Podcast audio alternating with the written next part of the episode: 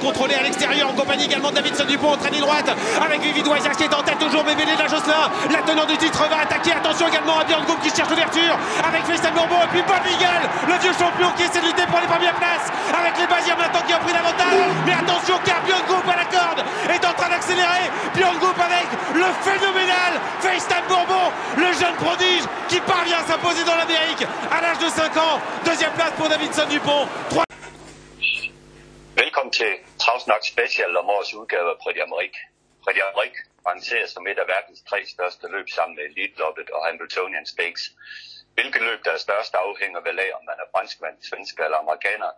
Men for mig er løbet det største, man kan vinde i verden, og det er det for dets uforudsigelighed, sit drama fra start til slut, banen, distancen og det faktum, at det er et løb, som franskmændene for alt i verden ikke vil tabe. Carsten, hvilke forhold har du til Premier League. Synes du, det er det største løb, man kan vinde i verden? Ja, også fordi øh, det er jo så Øh, altså det, det differerer jo fra, fra de to andre, som du har nævnt, med hensyn til distancen på 2700 meter og voldestart. Øh, tidligere var det jo svært for udenlandske heste at komme til start i det her løb, så derfor så vil jeg sige, at det begyndte at rangere højere, øh, fordi at man nu kan øh, kvalificere sig til at komme til start.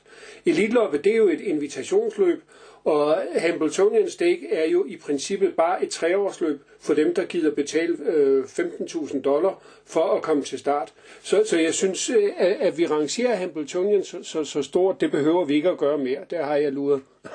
øh, men derimod, øh, Prix øh, med den måde, som de nu har lavet, hvor de har øh, de her fire B-løb, hvorfra de tre bedste i hver kan kvalificere sig, hvor de har et øh, fireårsløb og et femårsløb, hvor vinderen kan kvalificere sig. Jo, det er et, hvad skal vi sige, et uofficielt verdensmesterskab.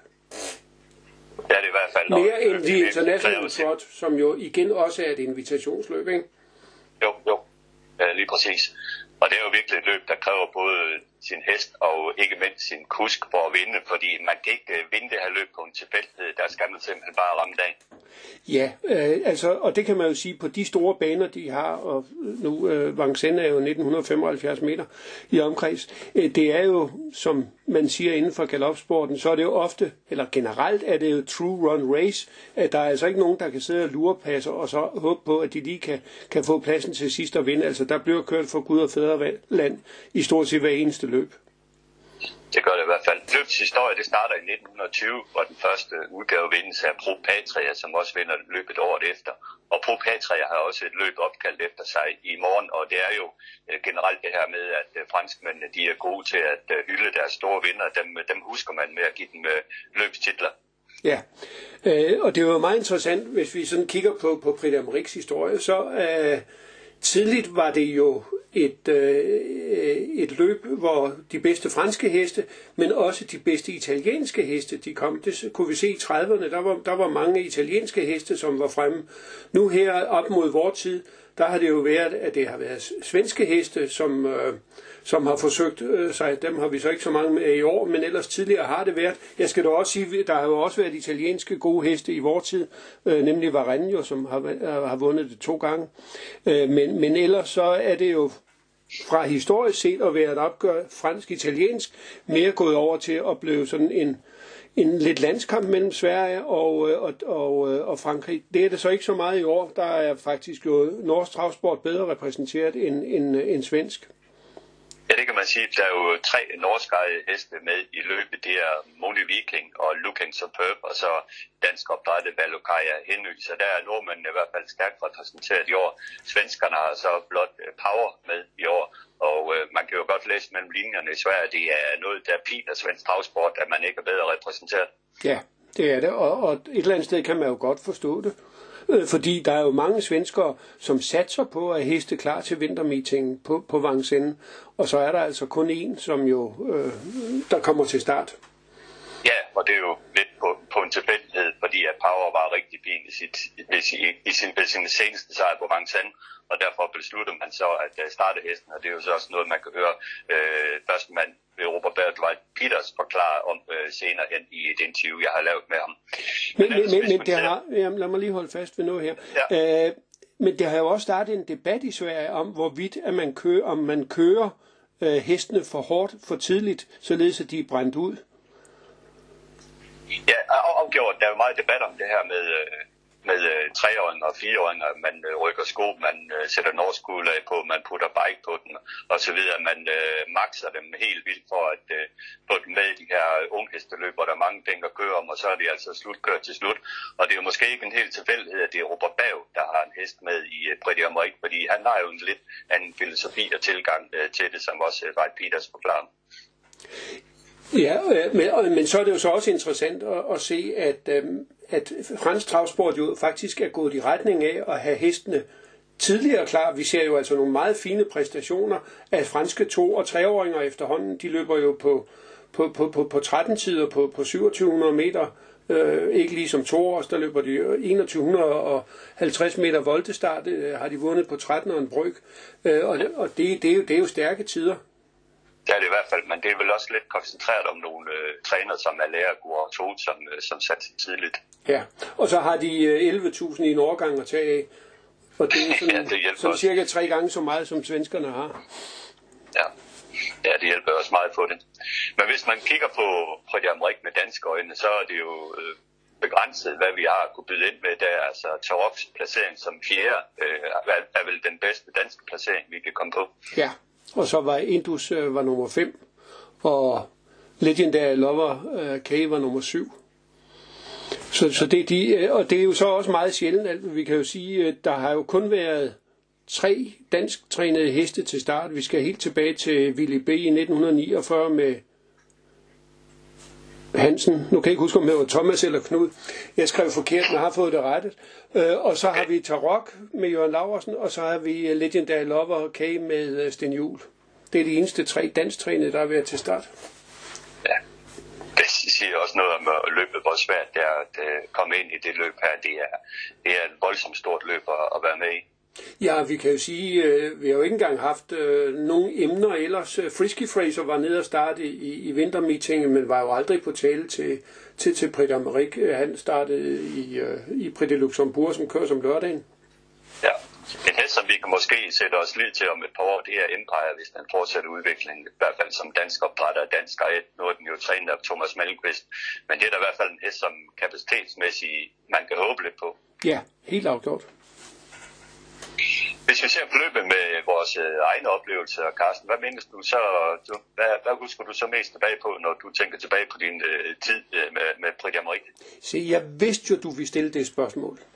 Ja. Øh, og jeg har jo virkelig tænkt på, øh, for det første, hvornår så jeg Prix d'Amérique første gang? Og, og det øh, gjorde jeg i øh, midten af 70'erne, øh, hvor Bellino 2 jo var den store hest, der vandt tre år i træk. Men jeg kan ikke huske, hvad for en af gangene, at det var første gang. Men jeg var på en meget... Øh, spændende togtur, hvor vi, øh, hvor vi oplevede faktisk at blive tilbageholdt øh, på hotellet, øh, fordi der var nogen, der havde glemt. Øh, ja, der var nogen, der havde, var kommet til at kaste op i et bidet, og så havde de øh, lagt et øh, håndklæde der, og så havde de ikke slukket for vandet, og så var vandet løbet øh, ned igennem ud på gulvet og ned igennem øh, loftet til øh, værelset nedunder, og igen løbet ned til øh, det næste, for det havde jo løbet hele natten. Og de her, der, der havde boet på det her værelse, de havde jo slet ikke været hjemme overhovedet, så de kunne slet ikke forstå, hvorfor det var sket. Men øh, det blev en, en, en rimelig stor sag, og, øh, og de ville, de tilbageholdt vores pas, og jeg skulle skrive under som uh, the grand chef de gryb. Og det var jeg jo ikke meget for at skulle være erstatningsansvarlig for, for det der, for det var ikke noget, jeg havde haft med at gøre. Men øh, det endte jo med, at jeg måtte gøre det. Så det var i hvert fald et af de øh, Prix d'Amérique, jeg husker. Men øh, ellers, øh, hvis vi sådan taler om løbende, så vil jeg så sige, i øh, 1990, hvor Urasi vinder, der havde jeg spillet på Tang Damur i plads. Og på Tangdamour og Orasi, de gik ja. øh, side om side ned igennem opløbet, og lige på målstregen, så jubler øh, Michel Mar- Marcel øh, Gouchon bag, øh, hvad hedder det, øh, Orasi, og, og løfter pisken og forskrækker på Tangdamour, der, der slår et kast med hovedet og tager et galoptrin og bliver diskvalificeret. Ja. Den, den sved. Den sved også på Orasi og hele øh, Franks Travsport over det inden, og veteranen var på banen, hvor det hele var lagt an til, at den skulle vinde, og så kommer Celia Gade, ja. Larousia Badron og, og vinder løb. Ja. så der har det også dramatik på. Men jeg tror faktisk, øh, Øh, og der var jeg ikke dernede. Øh, der, der var en, en, en del år i 80'erne, øh, hvor jeg ikke var dernede, men så fra 1990 og frem til øh, 2018, tror jeg, der, der var jeg der hver eneste år i hvert fald. Ja. Er dernede øh, øh, i øh, 2007 første gang, så vidt jeg husker, øh, hvor Offshore Dream øh, vinder som øh, femåring for øh, Pierre Levesque og er nede i nogle åringer derefter, blandt andet til også Ujonak øh, vinde, øh, Unionet øh, vinde øh, Freddy Amerik øh, som en kæmpe overraskelse Ja, det til også øh, 172. Jeg kan Ja. huske, at jeg dækkede løbet på Vedløsbad, og min overskrift øh, var, at øh, og så blev der stille, fordi det var virkelig oplevelsen. Altså, tilskuerne, de var totalt i chok over den her. Ja. Øh, Urenak øh, kom og vandt det løb, og, og meldte kort, var kæmpe favorit. Ja, det var en kæmpe overraskelse, og den lavede jo ikke ret meget mere øh, sidenhen. Selvom den også kom til Elitlop med, med Kenneth Nielsen, men, øh, Ja. men det er jo så en anden historie. Det jo det. Men ellers, øh, altså det her med at se løb på Vincennes, det er jo øh, noget specielt, fordi øh, ret beset, så kan man ikke rigtig se løbene. Ser Nej, du skal, se, du, skal, du, skal se det på, du skal se det på tv. De har jo også fået en ny øh, skærm øh, indvendigt, og vi skal jo måske lige sige nu her, at øh, i år er det jo slet ikke muligt at, at komme til trav på, på, på Vincennes. Alle løb i Frankrig afvikles uden publikum, således også øh, Prix d'Amérique. Kun en repræsentant for en ejer, der har hest til start, og så sta- øh, træner og staldpersonal øh, må være, øh, har adgang til, øh, til Vincennes-banen nu her i den her weekend. Ja. Det bliver noget helt andet øh, til forskel på 30.000 vilde publikum og parade og skrig og skål og, Ja, og og, til start. Og, pla- og, og, og god plads i restauranten også. ja, Der er må jo man mange, sige. der, der jo hvert år har, har sørget for, og, og, og, og, fordi det er en lang øh, eftermiddag at stå, og det kan være lidt køligt i vejret, øh, så derfor så, Stal KTS har jo lavet tur ned i øh, 20 år næsten, øh, og de har jo også altid sørget for at have nogle restaurationspladser. Men ellers øh, løbsmæssigt vil jeg sige, at den største oplevelse, øh, som jeg har haft med Pretty Amrik, det var da Ina Scott vandt. Jeg så jo ikke løbet, jeg sad hjemme sammen med min far og så løb på tv.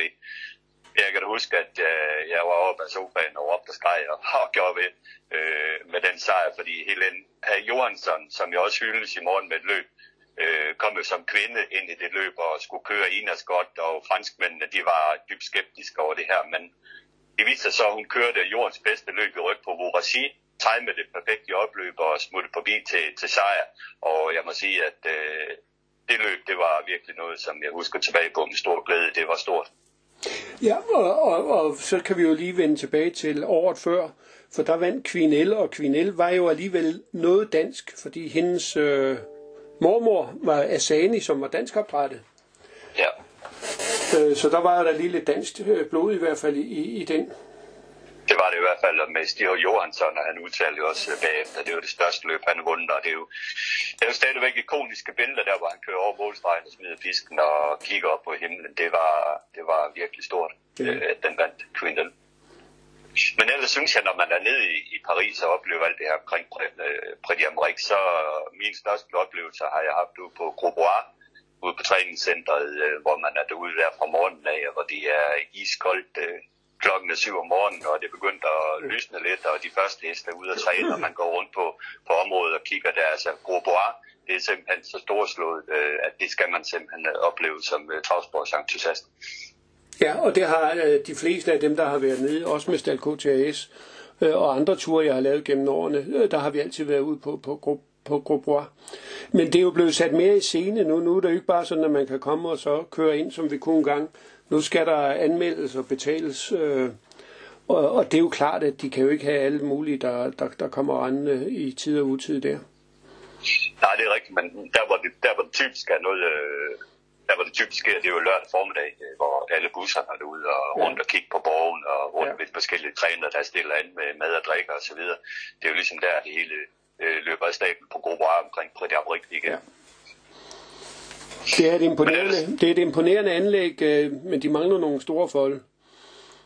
Ja, det må man sige. Og det er lidt ikke mærkeligt, de ikke, folk. det er lidt mærkeligt, de ikke har det. De har fold, men, men det, er jo, det bliver sådan nogle jordfold, ikke? Jo, det er det. Det er nogle små firkanter, Ja. ja. men det, det man gør med hestene, det er jo, at man kører med hestene hver dag i stedet for. Ja. Øh, og så... Øh, og så træner man jo hårdt med den to-tre gange i ugen, men de øvrige dage, der kører man øh, en lang tur med hesten ud på, ud på banerne rundt omkring Groboir. Der er jo, jeg tror, det er omkring, er der ikke en 25-30 km trænerbane, træningsbaner, man kan, man kan køre på, plus en lige ud bane og Jeg tror, en det- dag en overdækket bane. Det er i hvert fald, det er i hvert fald et meget, meget, meget stort område. Ja. Og hvis man have et indtryk af det område, så kan man gå ind på Snaks uh, øh, YouTube-kanal, hvor jeg har lagt det på video op, uh, hvor jeg sad i Solkin sammen med Knud Mønster, hvor vi kørte en tur rundt på hele området og filmede det og kommenterede det, så der kan man få et lille indtryk af, hvordan det ser ud derude, hvis at man har lyst til det. Men uh, det vil jeg i hvert fald anbefale, når der bliver åbnet op igen, at man uh, inkluderer en tur til Grobois uh, som en fast del af sin tur til Prix d'Amérique. Men man kan jo også godt tage til vedløb i Frankrig, uden at skulle ned og se Prix d'Amérique. Altså foråret er jo en, en dejlig tid. Sommeren, øh, efteråret også. Øh, hvor man så kunne kombinere det med at komme ud og se Grosbois. Og der er jo også et øh, travsportsmuseum derude, som, øh, som, som vil være åbent. Ja. Men tilbage til Vincennes, så altså, man skal ikke forvente at kunne se løbet. Altså, man ser hesten sus forbi, og det er sådan set det. Resten af løbet, hvor man ser op på skærmen. Og det, det, hvis, hvis, hvis man har mulighed for det, så er det at gå ned på staldterræn på, på Vincennes, det er altså en stor oplevelse. Og, og ned og spise i restaurant. Jamen det er kan en du jo ikke. Altså, det, det, der skal du jo være akkrediteret eller Ja, det være jo det. hesteejer, så så det er jo kun de færreste. det er kun de færreste, men skulle man have den mulighed for at opleve det, så, så skal man også øh, tage, tage det med. Men det er altså meget svært at komme ned på Staldsregn på Vincennes. Det er det bare, men det er en oplevelse. Ja. Det er jo lidt om vores øh, egen oplevelse omkring Credit Amrik, og så øh, har jeg jo taget et øh, kig på, på sidste års udgave, som jeg synes, øh, man, kan, man kan lære lidt af, fordi at, øh, i det løb, der havde øh, Basia tre heste til start. Det var Looking Superb, det var Davison Dupont og Bellina Jocelyn. Og hvis man ser løbet og på vej midt op ad bakken, ja, der ligger de tre heste øh, som et 60 foran. Og øh, FaceTime Bourbon, den sidder i ryggen på Davison Dupont, den er lukket totalt ind. Men så sker der noget øh, meget skældsættende i løbet. Det er, at øh, FaceTime Bourbon sejrer Scuderia i Italien har en anden hest med i løbet, der hedder Vibit Vardas, som Yvonne de Beauchamp, han skyder af op ad bakken i så nærmest et kamikazeangreb. Skyder til spids og åbner løbet op igen og på pur Basirs plan. Ind i opløbet, der taber Vibit Vardas trav, bryder ned i banen og åbner op inderbanen for FaceTime Bourbon, der kan skyde frem til sejr. Så ja, Basir han havde løbet i sækken den dag, men altså, han havde FaceTime Bourbon i sækken den dag, men altså, sig 18 heste, Vibit Vardas, den, den, den, den forpudrede den plan. Vi skal jo så lige sige, at det var Frank Uri, der, der kørte Davidson Dupont sidste år. I år, der kører Basir den. Ja, det var det, at han kørte selv Berliner Journey. Det er korrekt, og øh, Davison de Pong var så andet i løbet, så, så noget lignende kunne man jo også forestille sig sker i år, hvor Basir har fire heste med i løbet. Men øh, inden vi kommer til den snak, så skal vi lige øh, høre et interview med Kirsi Manninen, og øh, efternavnet, det kender vi jo godt lidt i Danmark, i det hun jo er datter af Mikko Manninen, der var i træner på Skive Trav i, i en, på nogle år tilbage i midt op, 80'erne. op på Skovbo. Og på Skovbo, ja, og øh, vi husker hesten som Biscayne han over, som efter den forlod Mikos træning, var anden i elitloppet, og Copenhagen Cup, der var hesten som Keystone Shiloh, senere Aarhus Spanner, rekordholder i skive på Sepulkukunen, Tulip Bowl 4 år, der var med i hurtigklassen, så jo, men Kirsi, hun har jo været rundt omkring med, med mange trænere i, rundt om i, i Europa, og nu er hun altså hos øh, uh, Basir, som hun har været hos siden uh, juni 2018. Og jeg havde jagtet hende uh, for et interview i et stykke tid, og så lige pludselig så ringede uh, telefonen onsdag eftermiddag, uh, sen eftermiddag, hvor hun var ude og køre en tur på Grobar med Balle Kaja Henø, og her er, hvad hun sagde til mig i det interview. Velkommen til podcasten Travsnak, Kirsi Manninen. Mange tak.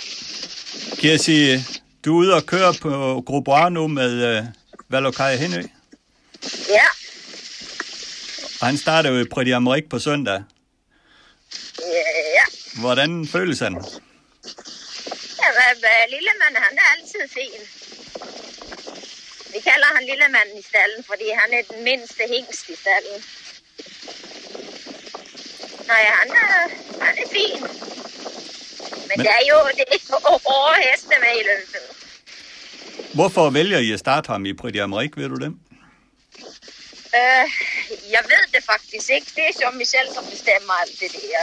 Så jeg har ikke spurgt ham, hvorfor. Og er det hans øh, søn øh, Nikolas, der kommer til at køre? Ja, øh, jeg tror det. Ja, han, altså, han står på listerne, men Jean-Michel han snakker aldrig med os om, hvem skal køre, og når de sådan, så jeg tror det. Så det er Michel, Jean-Michel, der er chefen i stallen, kan jeg forstå. ja, ja, ja. Han bestemmer det hele. ja, ja, han bestemmer alt. Så. Ja. Men er det din pashest, Valokaja Henø? Ja, det har det været helt fra, når han kom. Okay. Og hvad er han for en hest? Han er en sjov lille hest. Han er altid glad. Og han giver altid sin bedste. I forsøgte ham nyligt i, øh, i Montelløb. Der var han Ja, vel var- hyggelig.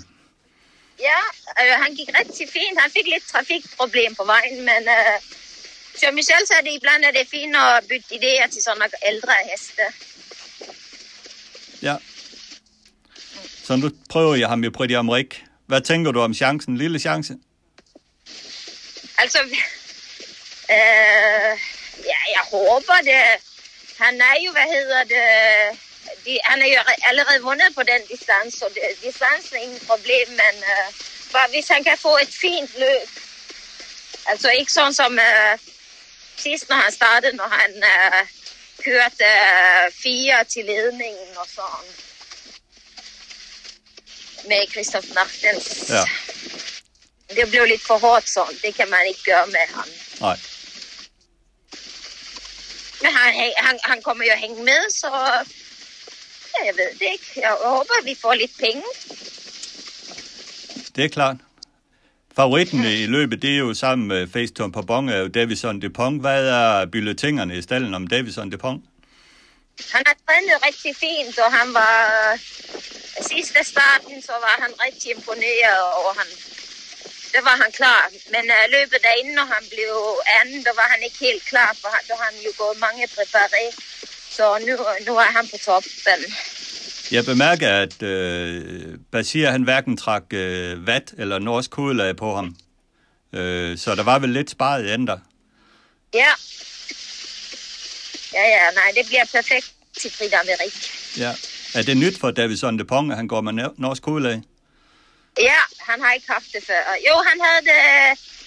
Øh, jeg tror, han havde, når han blev anden også, var. Men øh, der, hvad hedder det? Jo, jo, når han, øh, når han blev anden... Nej, jo, der havde han det på, og han sagde, at det, det hjalpte meget. Okay.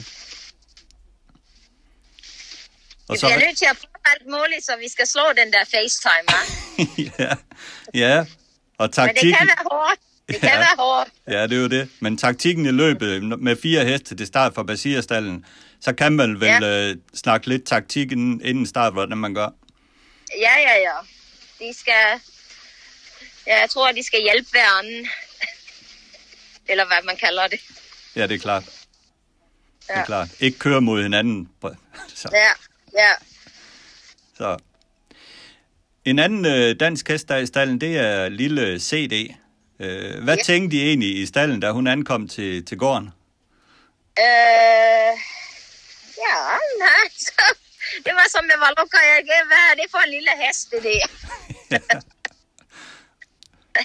Men øh, hun har gjort det fint. Øh, hun, er, hun er stærk også. Hun er, det bliver en fin løb til hende på, på søndag. Og så har vi jo Rebella Matters med i, i det også. Og Fresha Dupont. Så det er nogen, vi skal holde øje med. Jeg tror, at Jean-Michel skal køre, øh, køre CD. Okay. Han kan godt lide hende. Hvorfor? Fordi hun, hun er en sjov lille hest også. Hun gør også altid sin bedste, når hun starter. Hun er fin på Vincent. Hun kan godt lide det. Ja, selvom hun er så lille. Ja, Ja. Jeg har bemærket, at mange af, af Basirs heste, de går uden øh, tjekrem, eller nærmest kun en Ja. Øh, hvorfor? ja.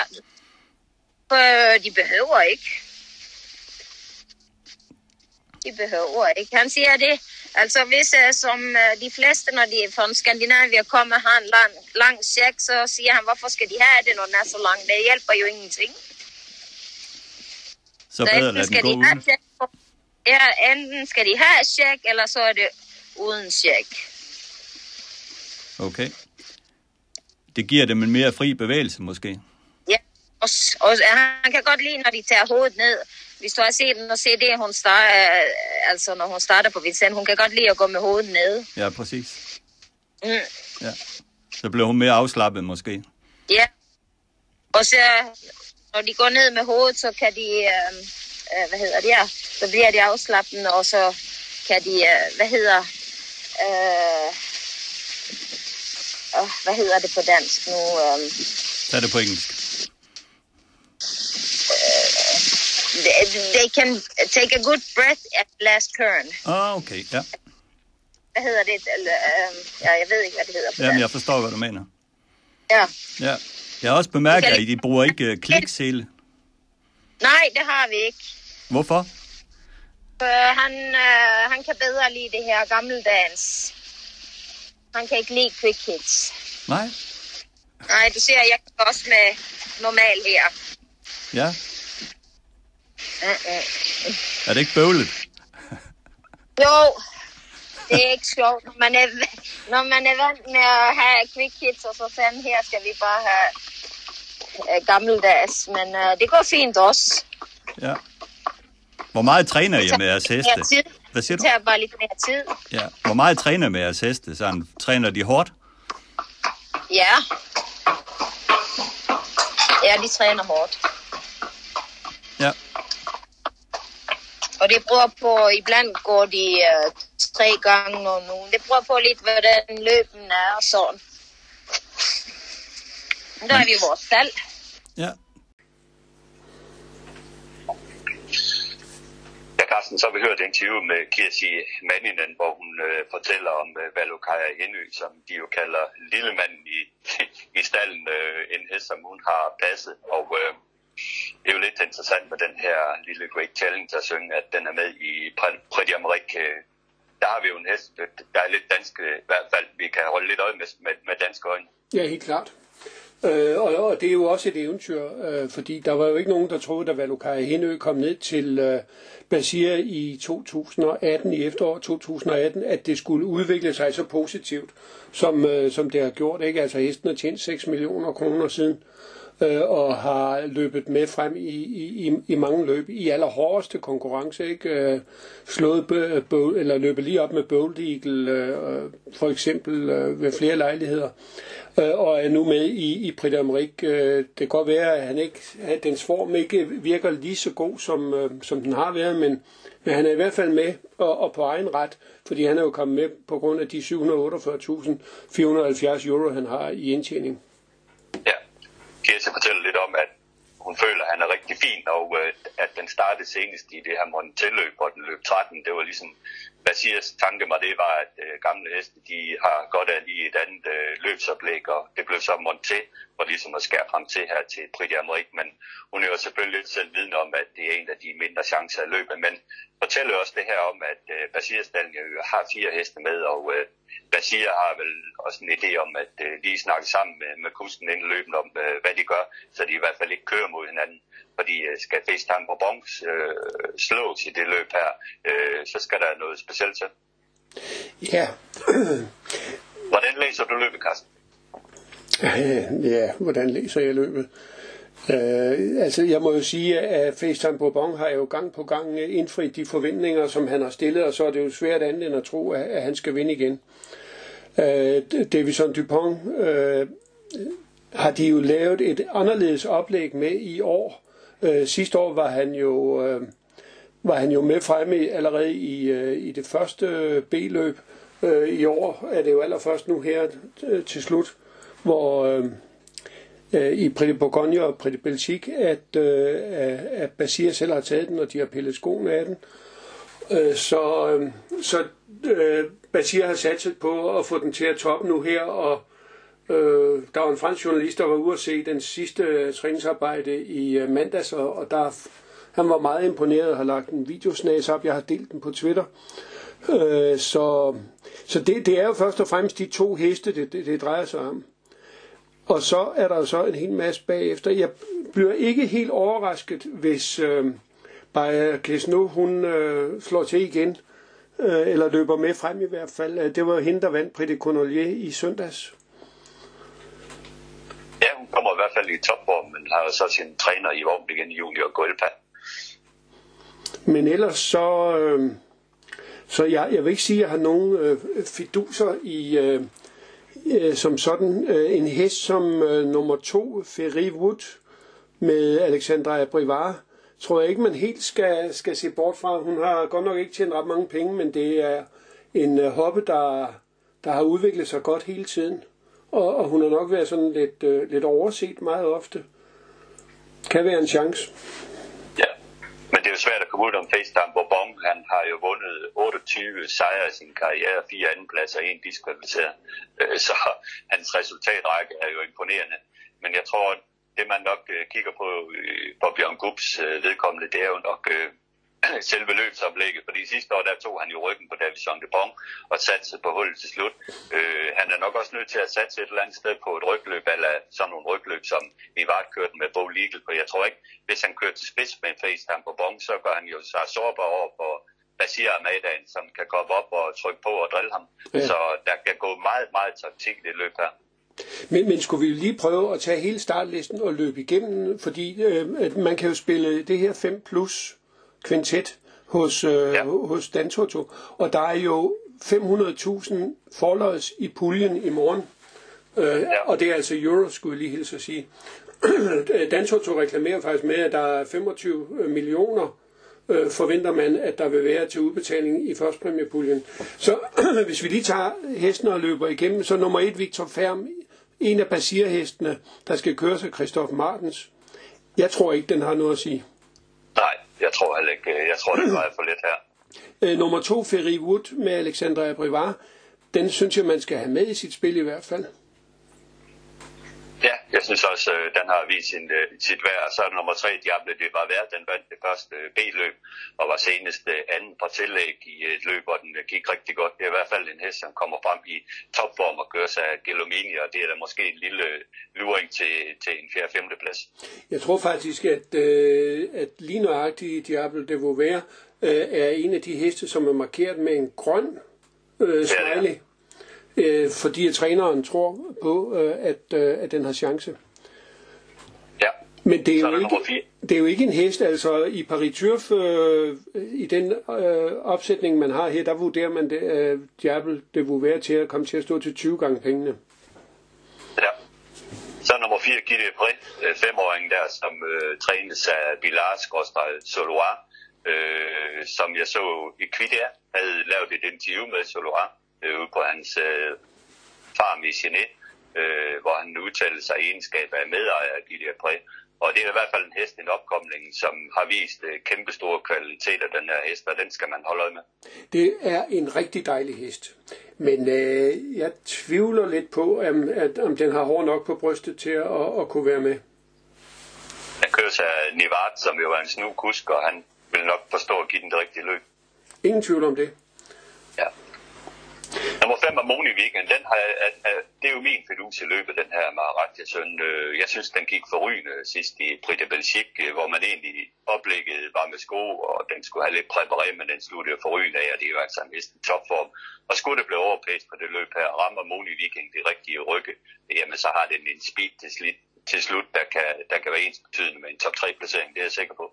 Ja, det er jo en hest, som i hvert fald ikke får nogen problemer med distancen, og, og, og, og et hårdt øh, tempo, det gavner den, og det vil den nok også få, men øh, ja. Og så kører den jo Mathieu Rababa, som er i topform. Det er også det. Øh, og det gør han jo, fordi hesten trænes jo ved øh, Pierre Facrys, og Pierre Facrys øh, har også en anden hest med i løbet nummer 6, Roule de Jet, Øh, og han anser faktisk øh, Moni Viking til at være en, en større chance, men i og med, at øh, Drol de Jet, den ejes, at han er medejer af den, så skal han køre den. Og så ejes den også af Ecurie Honda Valley, som er en af Frankrigs allerstørste og mest hårdt satsende hestejere nu. Så, så det er nok derfor, at Paris Turf har, har sat Drole de Jet til 80 gange pengene, Moni Viking til 26 gange, så, så det fortæller måske lige lidt om uh, styrkeforholdet der. Ja, det er det. Looking Superb, den springer vi over, den har vi talt om. Ja, den burde, det er jo sådan, den starter. Ja, Feliciano. Har du lidt fedus til? Ja, men jeg synes, at den skuffede mig sidst. Øh, der, den kom godt nok til at se, og, og lige pludselig blev den skovlet meget langt ned. Jeg synes ikke helt, den, den byder sig nok til, at man kan tro på den. 35 gange pengene. Ja, cirka de shoot. Øh, jeg ved ikke, eller den. Chica de shoot. Øh, hun, hun er stærk, men øh, hun har vel ikke den klasse, der skal til. Nej, og Balukaya med nummer 10 tænker vi skal være glade for en præmie. Ja, en meget lille præmie. Jeg ja, tror ikke, det, Power er vel svær at uh, sætte ind. Altså det løb, han vandt, det gjorde, vandt han jo på en umulig bane. Og det var et rent femårsløb. Øh, men hesten, øh, det er en god hest, men ja, hvis med, i det der 5 plus, så vil jeg jo højst sætte den til en femteplads. Men den har i hvert fald vist nu to gange, at den vester den store bane, og ifølge Dwight Peters har den klar fordel af distancen, og øh, den kommer i hvert fald øh, frem øh, i 100% topform, den her power. Så jo, men den har ikke startet, den har ikke, startet, det, det, det, den har ikke startet mod de gavede øh, gutter her.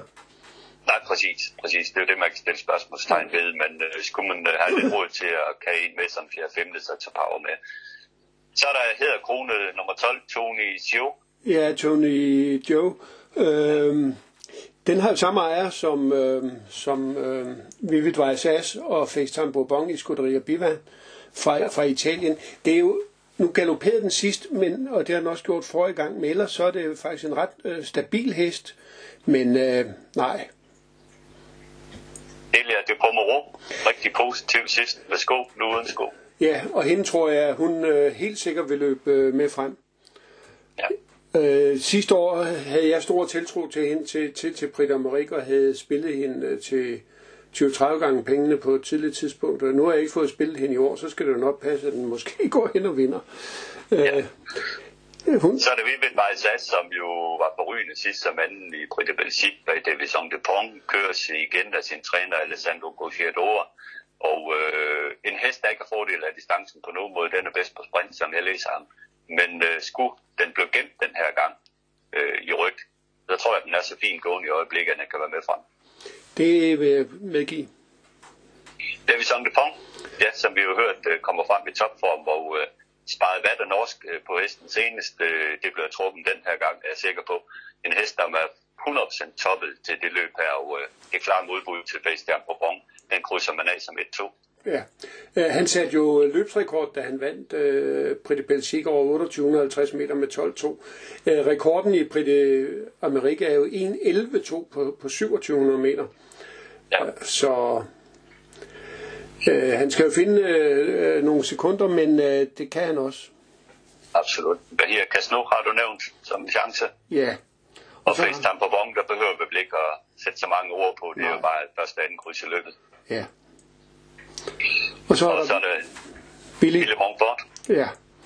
Ja. Hun løber jo stabilt, øh, og øh, gik jo faktisk øh, godt senest. Det er sådan en hest. Hun, er, hun kan jo, de kan jo placere hende, hvor i feltet det skal være. Hun er utrolig stabil og, og letkørt.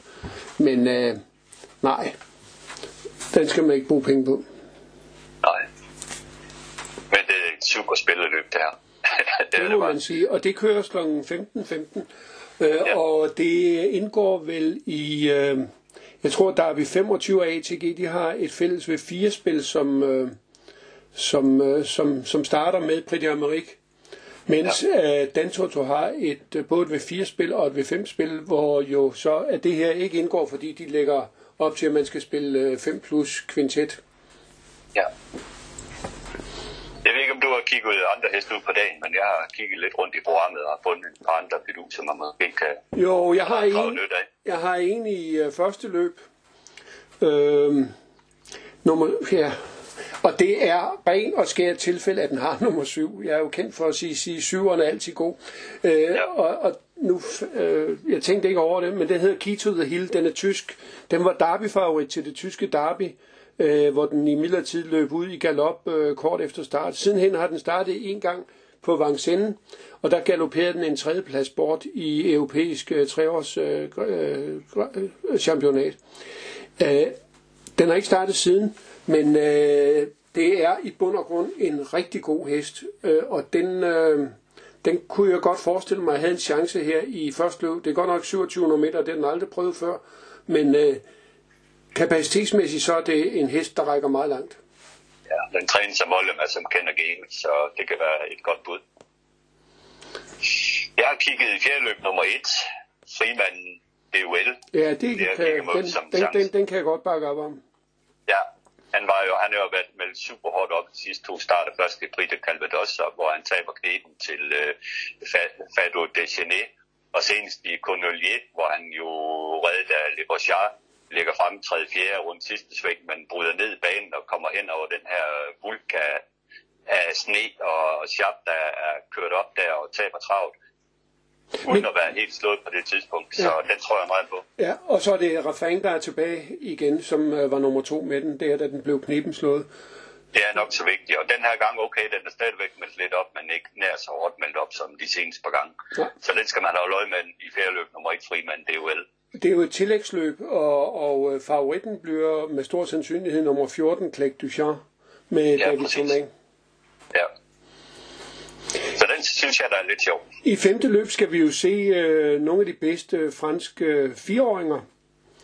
Og, øh, og der er det jo især nummer, ja, der var den igen, nummer 7, Honek, øh, eller Onek, øh, som jo er en Royal Dream søn, der trænes af Philippe Allaire, og øh, som øh, har kørt sig Frank Nivar. Den har ikke lavet meget forkert. Øh, den havde lige et par løb øh, på slutningen af 2020, hvor den kiksede, men ellers så, så, det, så har den etableret sig som en tophest. Men, men der er mange gode heste til start her. Det er der. Det er de bedste. Øh, nummer to, Hookerberry med Basir. Øh, de to hopper, nummer tre, Irondelle Sibi med Erik Raffang, og nummer fire, Avanes med Busset, og også nummer 5, Anna Demol med Abrevard. Øh, de, øh, de er også, det er også heste, som øh, vil gøre sig godt i, i det her løb. Ja, det er generelt super løb her i morgen. Så har jeg frem i 20. løb udkigget mig nummer 2, Alradia One, endnu en Maharajas søn. Bocchiador træner og kører italiensk starbevinder som tre år siden. Super, super god hest. Men øh, okay, den møder altså super heste. Men jeg tror faktisk på, at den, den har chance. Ja. Øh, det bliver første gang, at vi skal se den på, øh, på, på Vincennes. Ja. Så, så det, øh, men øh, igen, der har vi jo en syver, der, der har topchance. Ja, der er Latas Kronos. Ja, med, med Basir. Øh, den har jo ikke fået det ud af det, som man forventede, den skulle have. Øh, og så er det jo også her, hvor øh, øh Stalritas Grand Art og Clive Hansens Empire er med, men de har jo fået startplads i anden række som henholdsvis nummer 11 og nummer 12. Empire skal blive spændende igen med, med Frank Nivar. Øh, jeg synes, han er overset i tipsene i, øh, i det her løb. Øh, en hest, som man også skal regne med, det er nummer 1 Greengrass med Mathieu med Moutier fra Guarato-stallen. Det er ikke nogen dårlig hest heller. Nej, jeg så nummer 8 Golden Bridge vinde senest på mere i et meget imponerende løb der, så det er også en hest, der kommer frem i topform, men øh, i det her løb skal man simpelthen bare vide, at øh, det er nogle af de bedste femåringer, der findes i Europa der til start. Ja, ja det var 2900 meter, det, det løb Golden Bridge vandt, og det var øh, lidt overraskende, så jeg ved ikke rigtig, jeg synes ikke, at den generelt i overgangssammenhæng har, har ragt til. Øh, vi, vi skal heller ikke glemme, når vi nu er lidt ude, nummer 3, øh, Celati Kot med Gabriel Gelomini. Den er faktisk, den løber, den løber faktisk ret stabilt også, og løber med frem. Den sidste, jeg udkigger mig som godt emne, der skal vi frem til 9. løb, nummer 5 af Sweet Dance, øh, som virkelig har vist sig at trives godt øh, på Vincennes. Senest var hun ude i et, øh, et løb, øh, hvor hun var tredje, øh, et langdistanceløb, hvor hun var tredje bag øh, Firecracker og de Diable de var værd, som jo vandt det første B-løb. Så der mødte hun altså virkelig kanonnæste. Stred rigtig godt til mål, var ude og se frisk luft allerede øh, sidst på bakken og gik godt og viste topform. Så den her sweet dance i 9. løb nummer 5, den tror jeg virkelig, man skal holde øje med. Det er jo også en uh, Maratja. Ja, og det er, jo, det er jo ja, svensk. Og det er jo Anders Lindqvist, der træner den. Og han lader ja. Alexandra Prat, øh, en ung øh, kusk, hvis far er træner ude på Gruppe også øh, kører den. Øh, men øh, unge Kvart der, han har faktisk en storbror, som er en af USA's mest succesrige øh, jockeys inden for galopsporten. Okay. Men det, jeg synes, det er meget fint af Anders Lindqvist, at han lader sådan en ung mand køre, fordi øh, øh, Nivar for eksempel står der på jorden i det her tilfælde, men, men Prat, det er at køre den fast.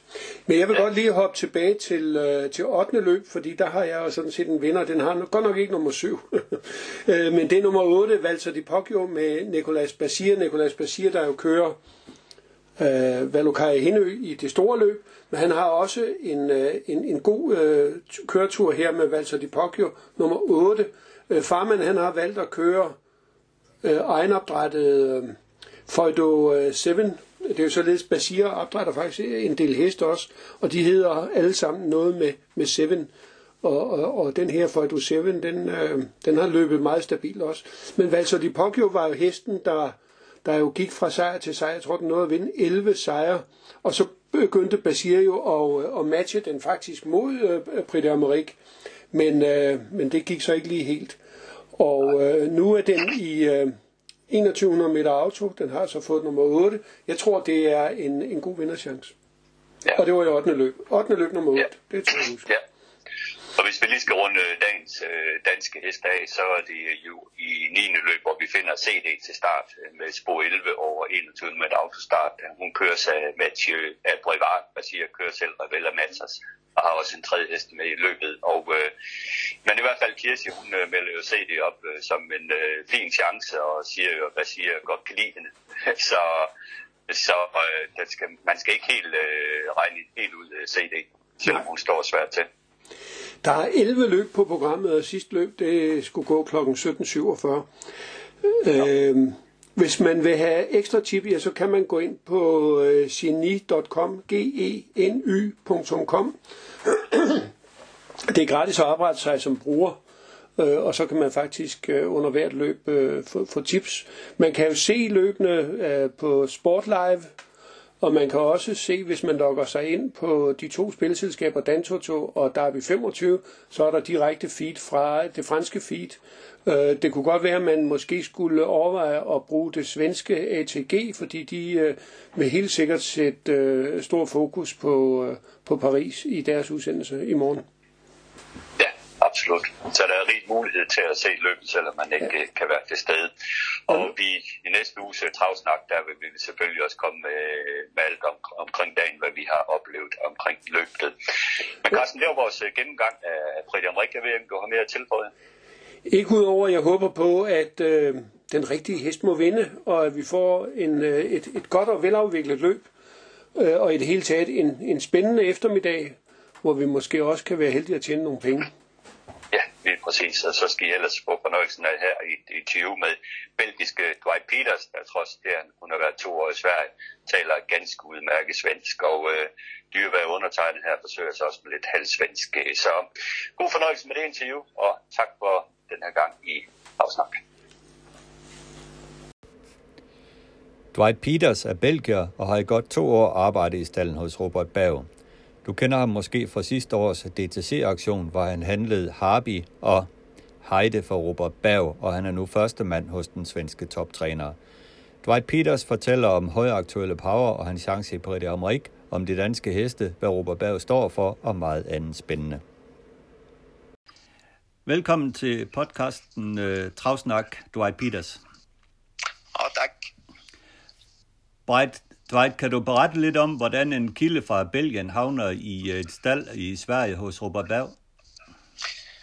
Ja, det var, det var inte riktigt meningen att, øh, att stanna kvar här i Sverige, men øh, uh, jag, jag kom här för två år sedan i mars kom jag fram här i Sverige hos, uh, hos Robert och så ville bara se något nytt uh, och så se lite olika tränare så ja, något, något nytt än Frankrike så men nu jag trivdes bra här hos Robert och så jag hade direkt eh, känslorna att köra lite lopp hos Robert från början och så jag har kört direkt en v, ja, V75 guld och silverdivision och så, så tyckte jag det var faktiskt bra, kanske bra att lära, lära till, utveckla lite till och så se lite, lite på längre tid här, eh, här i Sverige och så hos Robert nu och så, ja, nu två år sen är vi fortfarande här faktiskt.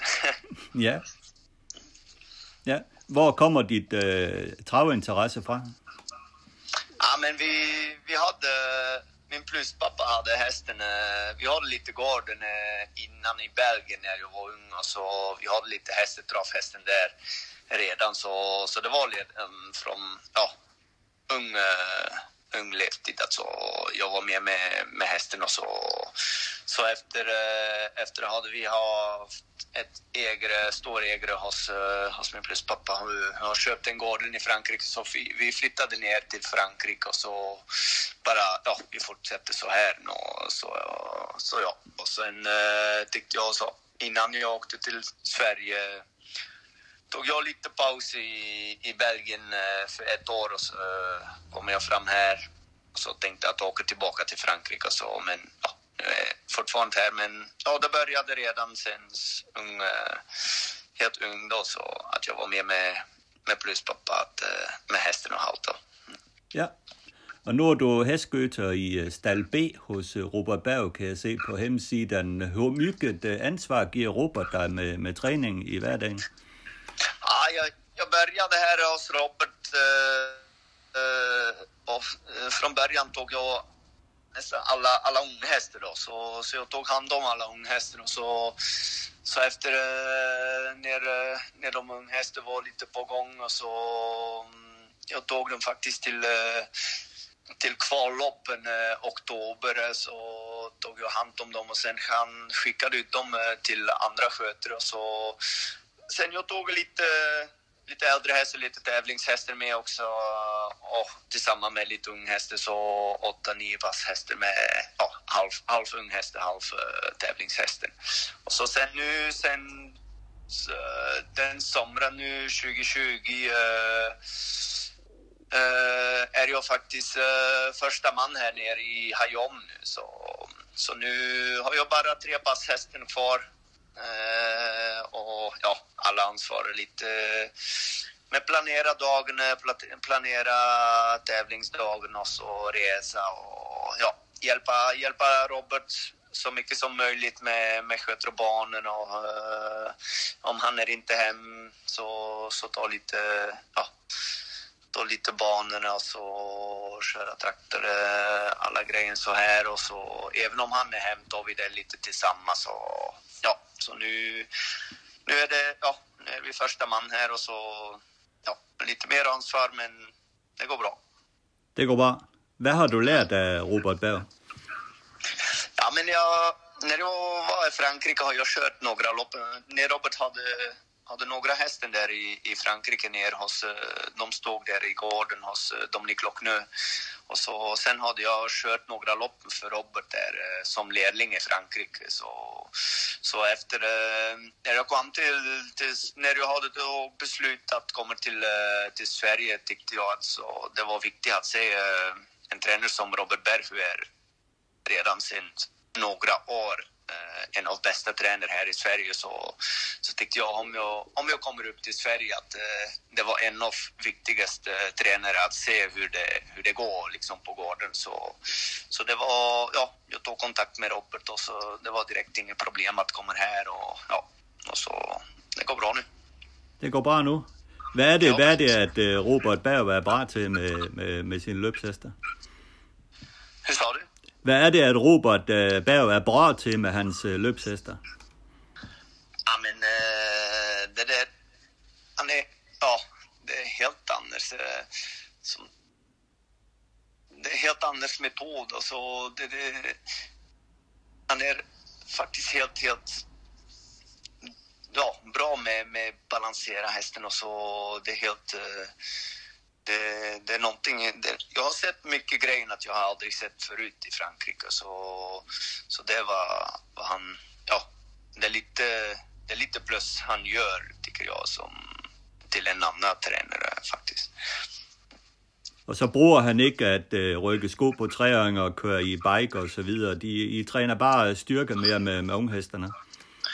Ja, inte bara skog, men, med, men ja, det, det är bara vanlig träning eh, och så som på, på rakbanan, så lite mjuksanden och så. Det är också någonting, eh, det är någonting vi gör aldrig, eh, nästan aldrig i Frankrike. Så det är inte många tränare hur, hur tränar i, i mjuksanden och så. Och så också när, som du säger, att på, på tävling också med, med de unga hästen och så, även de äldre hästarna. så allt så helt vanlig, eh, vanlig vagn och så det kan bli eh, någon, någon, någon gång när det är så helt stängt, eh, halvstängt eller någonting och så med inte, inte många urikar heller på hästen och så helt naturlig. Eh, så ja, vi kör, vi kör alla hästen i lopp också, naturligt. Och så det är också någonting helt stor olika med, med, med Frankrike och så där om vi kör liksom fem loppen och börjar direkt med med, med örikar eller norsk och så, något, någon ja. sak så här. Och så, du, du måste ha den li, lite plus här. Men nu, nu jag har sett också här hos Robert att det faktiskt inte jag ska inte säga att det behövs inte. Du har alltid hästen att, att behöver lite, lite plus uh, som en örikare eller helt stängt eller en gång en norsk kanske. Men, ja. men, uh, men det går liksom helt okej okay att köra utan de grejerna. Och så, det är också som, som Robert säger, tio på, ja, nio på tio gånger när, när du rickar, rickar tussar är hästen redan trött. Så du har inget svar i alla fall. Mm. Så, och inte mycket svar i alla fall. Så, så det är faktiskt ja, en stor olika med, med vad jag har alltid sett i, i Frankrike. Då. Ja. Når man ser øh, løbende i Frankrig på Vincennes, så er det jo rigtig mange heste, som går netop med, med norsk hovedlag og urryg og skoryg og och så vidare. Ja. Man, man plussar dem mycket nu. Ja, precis. Ja. Så, så det, ja, det är Frankrike ser men det är helt, helt och så nu här i Sverige, ni, ni ser bara, Sverige och Dan, Danmark är samma, ni, när ni tittar på, på Frankrike-loppen är det bara Vincennes, Kanye och så lite Angien. Men, men om ni ska se alla lilla banor på sommarbanor eller någonting, och så är det, det är faktiskt på, let's say, på, på tio starttester är det åtta, nio urikar och norsk för exempel. Och så, så det är helt, eh, ja, det är helt annars, annars eh, faktiskt. Ja. Hvad med jeres løbshest? Hvor meget træner de? Træner de to gange i vægten på intervaller, eller hvad? Om vi? Løbshesten, hvor, hvor mycket træner de? To gange i veckan? Tre gånger det ser lite ut eh, med, med, med loppen. Eh, om de, eh, om de går ut i lopp eh, för, för exempel nästa vecka kan det bli tre gånger i veckan och så men ja, de, de jobbar faktiskt Sverige två, tre dagar i alla fall. Och det är intervallträning på mjukt underlag? Alltså, ja det ser ut som, som på rakbanan, lite, lite mjukare banan, och så rundbanan. ner. vi kör rundbana hem och så är det lite leter och så, och så i, i backen är det också lite leter banor där, men, eh, eller med, lite med trickvagn också. Så, så det är mycket olika, olika träningar på, på, på varje häst faktiskt. Och så, det är också någonting, tycker jag, att så att det gör så, så bra för hästen att, att det ändras så mycket träning. Och så det är inte varje vecka på rockbanan för, för exempel, och inte varje vecka på rundbanan. Så de, de ändrar, ja, Robert ändrar mycket träningar på för, per häst faktiskt. Och så, så det är också, jag tror för, för huvudet av hästen är det jätteviktigt också. Så de, de är alltid trött på jobb. Okay. Aldrig trött på jobb. Aldrig trött på jobb? Nej. Aldrig. Ja, de är aldrig trött på, på jobb. Om så att ändra ja, en gång rundan, en gång backen, rapparna, så, så det ändrar hela tiden. Och, och de, ja, de är aldrig trött eh, på, på vad de gör faktiskt. Okej. Okay. Så de ska vara friska också när de har gått ett jobb? Ja, precis. Ja. Okej. Okay. Så skal vi prøve lidt øh, omkring øh, Power, som jo starter i Prix d'Amérique. Har du, uh, no, har du känt på ham nogensinde, Power? Ja, jag har kört han några gånger hem och så... Ja, det, det är något speciellt när, när man kör en häst så här hemma redan. Eh, men har, man har direkt en, en annan känsla som, som några andra hästarna. Så man känns direkt att det, det är en häst du har lite, eh, lite mer än en annan häst. Och, så nu, ja, det är faktiskt stort för ja, för ägare och Robert, men det är stort för hela stallet faktiskt. Och så. Det är inte bara för en person, och så det är för hela stallet. Det är, det är en stor grej att bli med i Prix d'Amérique. Eh, det är största lopp här, eh, här är, ja, en av största loppen här, eh, här i Europa. Och så, så det, om ni kan ha en, en starthäst där inne är det redan ja, faktiskt helt stort för hela stallet. Och så jag tycker, okej, okay, vi, vi kommer inte på start med en första tjänst, men, men man är med och så alla loppen måste man köra, så, så man vet aldrig. Men okej, okay, vi kommer inte på start med en första tjänst, men, men om allt går bra så han kan... Han har visat där stora banor, långdistans nu, en Prix de Croix, det var tungbanan och så... Det var, han avslutade loppet som, ja, jättebra då. Så, så nu, jag tycker om han kan ha bra, bra, bra lopp med och så kan, jag tror om han kan bli 5-6 blir det, blir det redan bra. Vi har då några hästar och, ja, som Facetime och Davidsson, Dupont så ja. okej, okay, de, de, är, de är, ja, det är kanske något något annars eh, faktiskt. Men, men där bakom de två, det är två, tre hästarna och så, där bakom är liksom allt öppet tycker jag. Mm. Ja, men der, der er vi helt øh, enige. Øh, tjenesteborgeren er efter en øh, pasgængerhængst i Gugu Gaga. Jeg så jo inden for Continental, at han gik i pasgang, når han øh, afkandrede.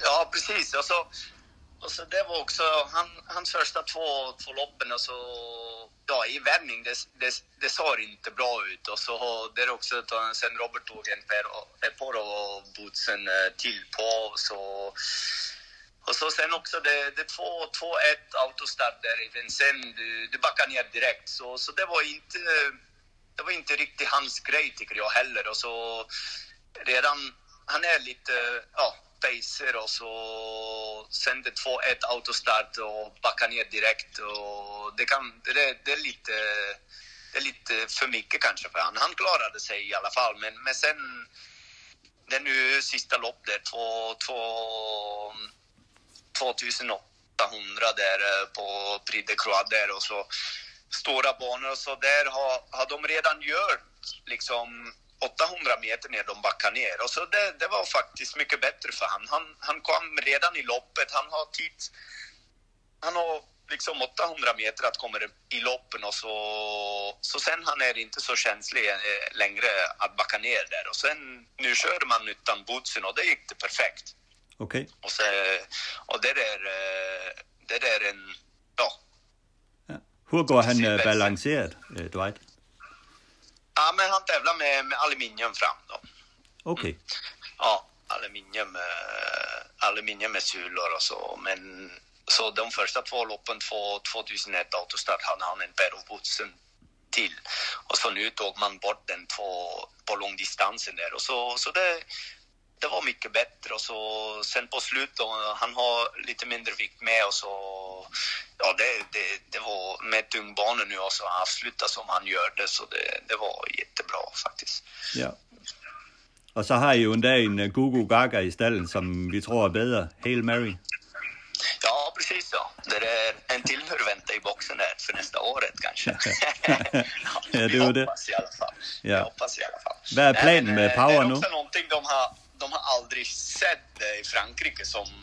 Det är också direkt efter, efter andra segrar han har gjort, då har de liksom tittat hela, hela linje mar, äh, ja, morfar och så hela linjen och så Gogo sen också att de, det var bara pacing och pacers och så. Ja. Så det är någonting, eh, det är någonting speciellt faktiskt och så. Det är inte, inte något vi ser varje dag där i Vincent heller. Nej, precis. Det är ju eh, 99 procent fransk så. Ja, precis så. så det är det. Men vad är planen för Power efter Prix d'Amérique? Det är avlen på Broline så? Ja, precis ja. Ja, det var... Ja, redan från början, det var inte plan att gå med i, i Prix d'Amérique. Men, men han kändes fortfarande bra och frisk och efter, efter varje lopp han, han var inget trött och så han kändes bra i, ja, i, i träning i, igen efter och så vi tog en gång till och så, och så det, det, det fortsätter bra så han känns fortfarande bra så nu efter eh, sista loppet igen och så allt såg bra ut och så tyckte Robert och så det, det var bra att de med, med Prix d'Amérique också nu så ja. Och så efter blir det, ja han kommer hem uh, efter loppet nu på måndag, tisdag kommer han hem och så blir det Broline efter då. Okej. Okay. Okay. Jag har hört att det var redan, jag tror det är 100-110 booking, så, så det är faktiskt bra. Det är bra, det är jättebra. Ja, ja precis. Det må man sige. Jeg skal også høre dig til en anden spændende hest i stallen, Julatrix Trescher, som I har fået fra Strandstedt. Har du kendt på ham? Ja, precis. Hon uh, øh, hade, vet inte, hon är här nu. Han är här nu sen är det några, en två månader kanske. Så jag har köpt, øh, jag har kört han en gång och så känns som, ja, en riktigt ja, fin häst och så stora kroppen ser riktigt fint ut och vi har inte jobbat hårt nu. Ja, de har inte gjort så mycket men uh, har joggat lite grann och så. Men det, det, känns, det känns bra i alla fall redan från början nu. Ja. Så det drøjer et par måneder, når varmen kommer, og han skal starte så. Ja, så vi, ja, jag måste säga, när vi, när vi började köra lite fortare, men, men nu, nu var det bara jogging och så, men det ser, ja, ser fint häst ut øh, i alla fall. Ja.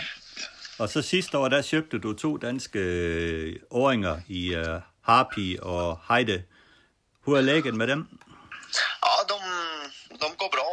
Så de är de är hos Tommy Karlstedt där och så han tar hand om, eh, om, de, om alla unghästarna och Robert där. Eh, så nu, nu de två, nej, båda, båda har utvecklat nu ja, redan i kroppen och allt eh, så det, det, är inte samma häst längre redan. Och, och de jobbar och så de, de gör lite rundbanejobb där eh, och så kör lite 40-50 med dem. Så det, det går bra det går bra. De, de ser fint ut och så allt är, allt är på bra gång där.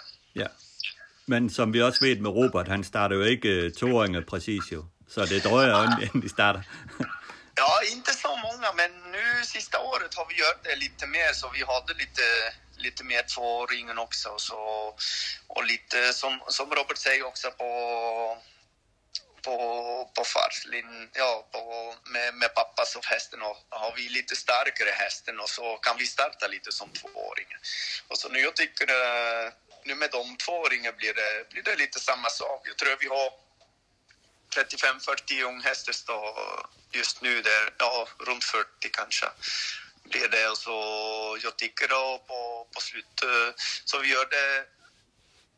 Oktober blir det, blir det igen eh, kval, kvalloppen. Och så tar vi ett eller två dagar eh, bara med Roberts hästarna och så ja, nu med covid måste vi se, men vi har gjort det med alla ägare på plats och så, så det är faktiskt kul dagar för, för ägaren och så kan vi ta alla, alla tvååringar in och kvala samma dag och sen, jag tror att vi, ja, vi måste se hur de, hur de klarar sig, men uh, jag tror att vi, vi ska starta mer och mer lite tvååringar.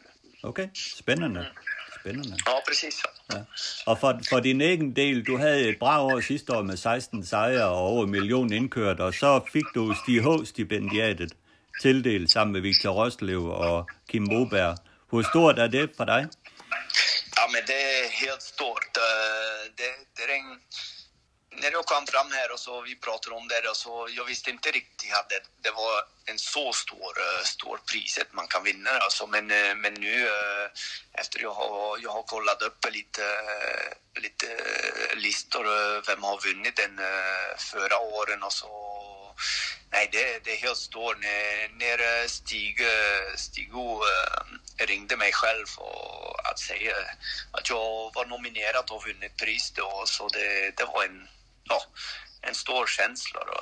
Så efter, jag tycker efter två år här i, i Sverige och så blir, blir nominerad för en pris så här, eh, ja, jag, jag kan bara bli glad och tacksam eh, allihop för att ha hjälpt mig här eh, till den här. Och så, så det, nej, det är någonting helt stort och så nu är det bara fortsätta och så visa, visa allihop att vi, vi är värt den priset. Precis. Går dine tanker på at blive uh, træner engang? Ja, det, det är någonting jag, jag tycker inte riktigt nu på, men eh, jag har bra plats nu och så jag trivs bra så vi, vi måste se framtiden. Men, eh, men jag tar det lugnt och så vi tar, ja, tar steg per steg och så vi ser. Jobber på? Ja, precis. Så. Ja.